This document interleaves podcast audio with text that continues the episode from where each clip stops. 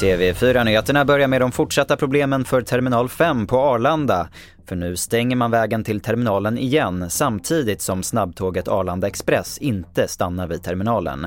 Vägen till Terminal 5 stängdes tidigare idag på grund av den stora mängden folk på flygplatsen och personalbrist. Så till att Ukraina varnades flera gånger om att Ryssland var på väg att invadera landet i slutet av februari. Det säger USAs president Joe Biden som hävdar att president Zelensky inte tog de här signalerna på allvar.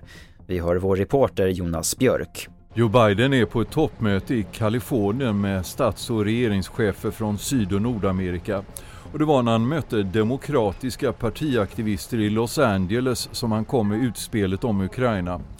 Enligt Biden så hade företrädare för hans regering flera gånger under början av året skickat signaler till den ukrainska ledningen om att en rysk invasion var nära förestående.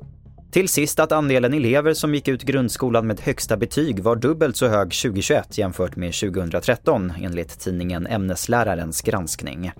Tidningen har jämfört betygen ämne för ämne mellan åren vilket visar att andelen högsta betyg i till exempel fysik hade ökat med 100%. Ökningen var dock lägre i andra ämnen som matematik som bara har ökat knappt 10%.